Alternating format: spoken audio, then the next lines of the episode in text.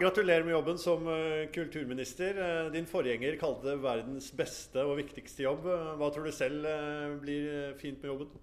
Altså, jeg også syns at jobben som kultur- og likestillingsminister er kanskje en av de kjekkeste jobbene du kan ha, og gleder meg til det. Det er et viktig felt.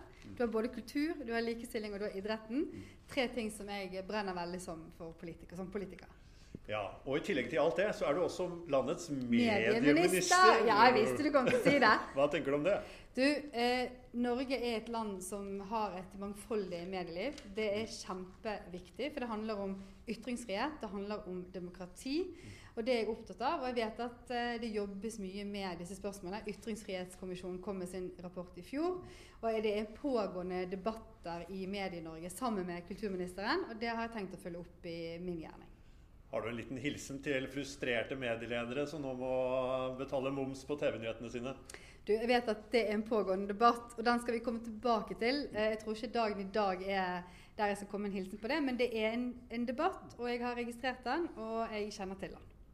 Habilitet eh, har vært og er et eh, viktig tema. Hvordan er det med deg og venner i mediebransjen? Kjenner du mange journalister og redaktører?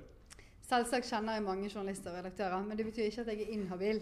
Eh, det må vi komme tilbake til, og det skal vi gjøre sånn som alle andre statsråder gjør. Går gjennom om det er ting vi bør være ekstra obs på. Og til slutt, eh, som lokalpolitiker eh, i Bergen, hvor ligger landets mediehovedstad? Er det i Oslo eller i Bergen? altså, jeg tror som kulturminister skal jeg si at den ligger i Oslo. Tusen takk, og gratulerer.